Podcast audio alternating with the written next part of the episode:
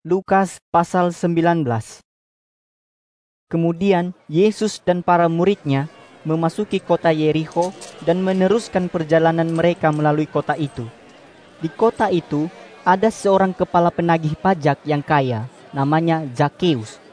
Dia ingin melihat wajah Yesus, tetapi tidak bisa karena terlalu banyak orang berkerumun di sekelilingnya. Lagi pula badannya pendek. Karena itu, dia lari mendahului orang banyak itu dan memanjat pohon ara supaya dia bisa melihat Yesus yang akan melewati jalan di bawah pohon itu. Ketika Yesus sampai di tempat itu, dia melihat ke atas dan berkata kepadanya, Sakeus, segeralah turun, karena hari ini Allah mau supaya aku menginap di rumahmu. Dia segera turun dari pohon itu dan dengan sukacita dia menerima Yesus di rumahnya. Ketika melihat kejadian itu, semua orang bersungut-sungut lalu berkata, Ih, dia akan menginap di rumah orang berdosa. Tetapi berdirilah Zakheus dan berkata kepada Yesus, Ya Tuhan, separuh dari harta saya akan saya berikan kepada orang-orang miskin. Siapa saja yang saya tipu pajaknya, akan saya kembalikan kepadanya empat kali lipat. Lalu waktu orang banyak itu masih mendengar, Yesus berkata kepadanya, Hari ini Allah sedang bekerja untuk menyelamatkan kamu dan keluargamu. Hari ini sudah nyata bahwa kamu juga keturunan Abraham. Karena memang anak manusia, yaitu aku, diutus oleh Allah untuk mencari dan menyelamatkan orang-orang yang tersesat. Di Yeriko, rombongan Yesus sudah dekat dengan kota tujuan mereka, karena Yerusalem dekat dengan Yeriko. Tetapi banyak orang menyangka bahwa waktu Yesus tiba di Yerusalem, dia akan segera mendirikan kerajaan Allah, dan negeri Israel akan bebas dari penjajahan Roma. Oleh karena itu, dia menceritakan perumpamaan ini. Adalah seorang bangsawan pergi jauh ke ibu kota kerajaan untuk diangkat sebagai raja di wilayahnya. Sesudah itu, dia akan kembali memerintah di sana. Sebelum dia berangkat, dia memanggil sepuluh orang budaknya dan memberikan satu uang logam emas besar kepada mereka masing-masing. Katanya kepada mereka, "Sementara aku pergi, pakailah uang itu sebagai modal kalian untuk berdagang." Tetapi penduduk negeri itu benci kepada bangsawan itu. Sesudah dia berangkat, mereka mengirim beberapa orang utusan kepada Raja Agung yang berencana mengangkat dia sebagai raja wilayah itu untuk menyampaikan, "Kami tidak mau orang ini menjadi raja atas kami." Biarpun begitu, bangsawan itu tetap diangkat menjadi raja.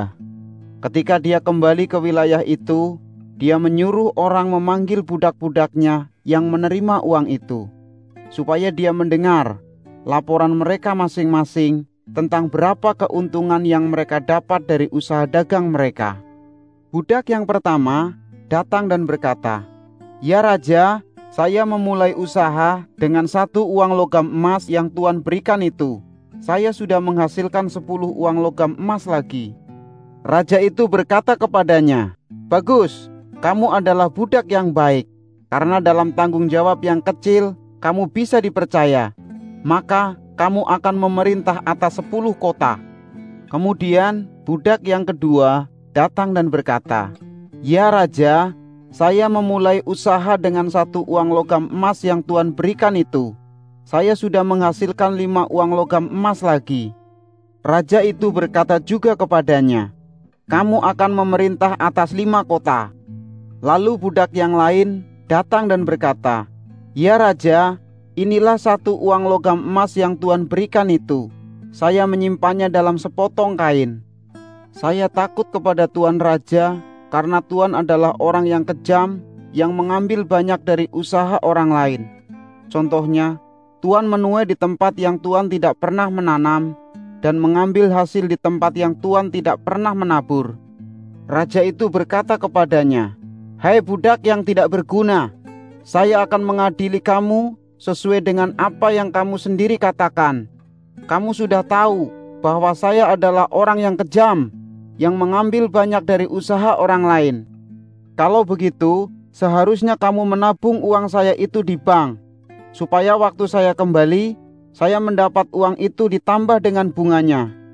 Lalu raja itu berkata kepada orang-orang yang berdiri di dekatnya, "Ambil uang itu dari dia dan berikan kepada budakku yang menghasilkan sepuluh uang logam emas itu."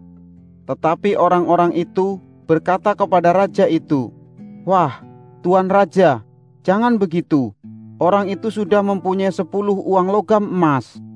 Jawab raja itu, "Saya sungguh-sungguh berkata kepada kalian, setiap orang yang setia mengusahakan apa yang diberikan Allah kepadanya akan diberi lagi kepadanya." Tetapi kepada setiap orang yang tidak setia mengusahakan apa yang diberikan kepadanya, apa yang masih ada padanya akan diambil.